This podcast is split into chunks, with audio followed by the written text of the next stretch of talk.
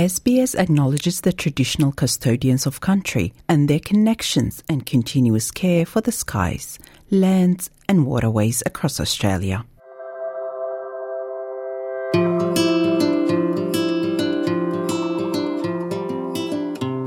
You're listening to Australia Explained, an SBS audio podcast helping you navigate life in Australia. Australia is home to some of the most diverse and fascinating wildlife in the world. This is a result of Australia's isolation as a continent and the unique evolutionary history that has occurred over millions of years. If you're out traveling or exploring in Australia, you will likely encounter some of our unique wildlife species. Especially if you find wildlife on the side of the road, it's always important to ensure that you park your car somewhere safe where it's easily seen and you're in a safe position. I'm your host, Maram Smail, and together in this episode, we will explore some of the reasons behind Australia's wildlife's illnesses and injuries. Today, you will learn what to do when encountering injured or sick animals. The reason that we keep doing it is an overwhelming passion for Australian native animals. And once you've released one of these animals back into its natural habitat, that's the prize.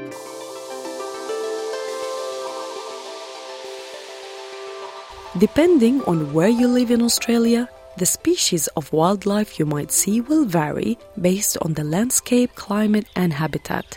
In Australia, you can encounter many birds, mammals, amphibians, and reptiles, including venomous and non venomous snake species. Northern regions usually offer tree kangaroos, crocodiles, and cassowaries. Moving to the drier western regions, you can encounter emus, red kangaroos, and beautiful desert birds. In the southern areas, you can meet some possums, wombats, wallabies, glider species, seals, penguins, and Tasmanian devils further south in Tasmania. So, knowing what to do if you encounter injured or ill wildlife animals is important.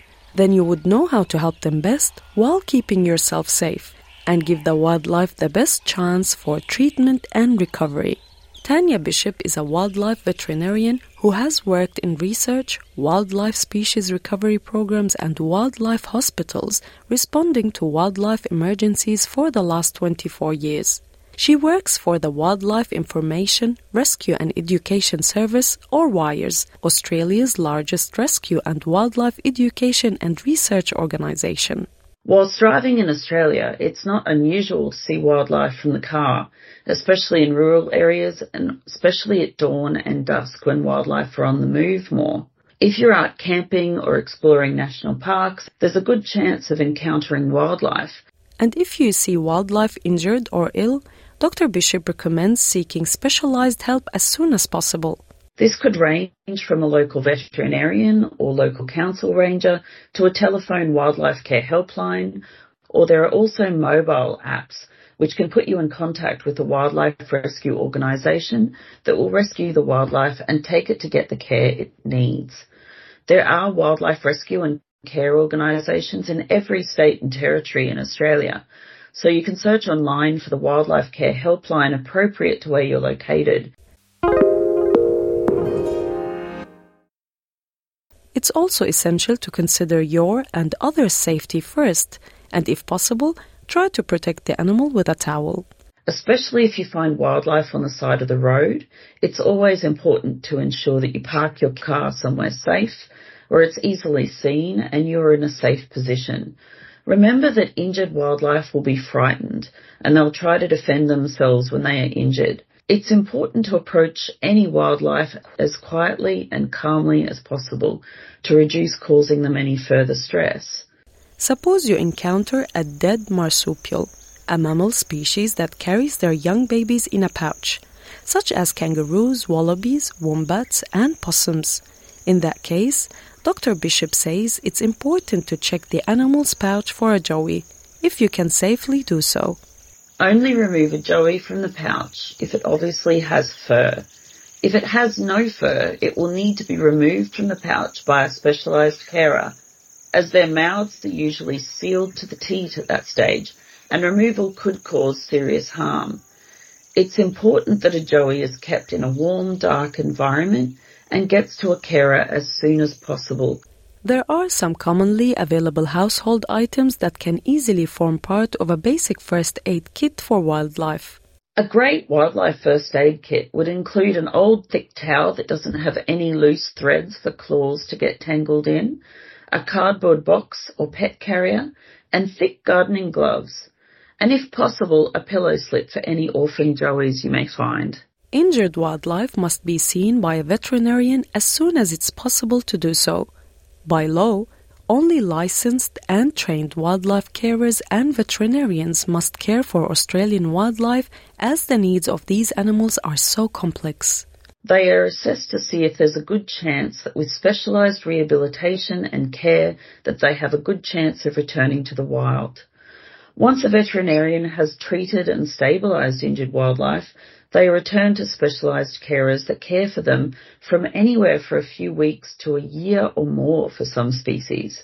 Morgan Philpott is a wildlife carer with Wires who has spent over a decade helping to care for injured and sick wildlife, with a special interest in the care and rehabilitation of koalas.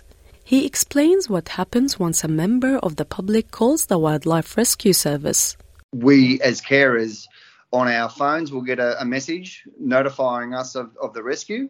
And if we are able to attend, then we will hit the attend button and then we'll get more details sent from head office via our, our app. And then generally we will make contact with the member of public and get more details and take it from there. These animals, particularly koalas and the more complex animals, really need to get to vets very quickly for assessment. Decisions about the ongoing treatment of wildlife in care are made in conjunction with veterinarians.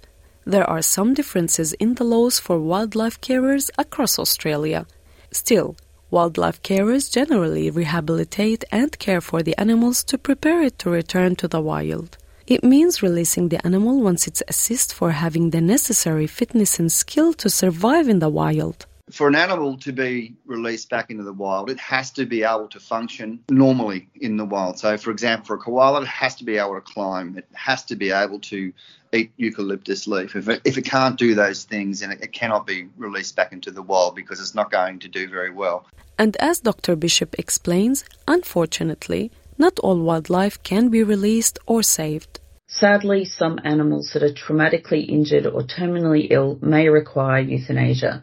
However, for those we can help, wildlife rehabilitation work is inspiring and incredibly rewarding in terms of the difference we can make. This sentiment is echoed by wildlife carer Mr. Philpott, who is passionate about helping Australia's unique native wildlife. The reason that we keep doing it is an overwhelming passion for Australian native animals. And once you've released one of these animals back into its natural habitat, that's the prize. You know, that's the that's the gift that we get for ourselves at the end. And obviously, the animal gets its freedom back. But for me, there's nothing better.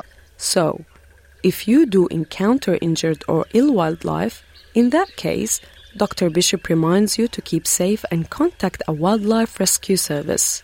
Australia is home to some of the most beautiful wildlife, but also some quite dangerous wildlife species.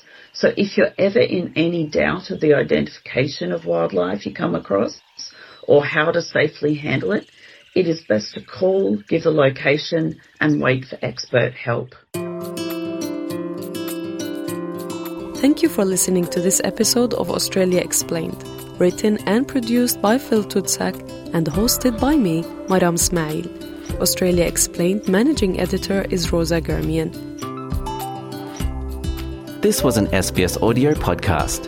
For more Australia Explained stories, visit sbs.com.au slash Australia Explained.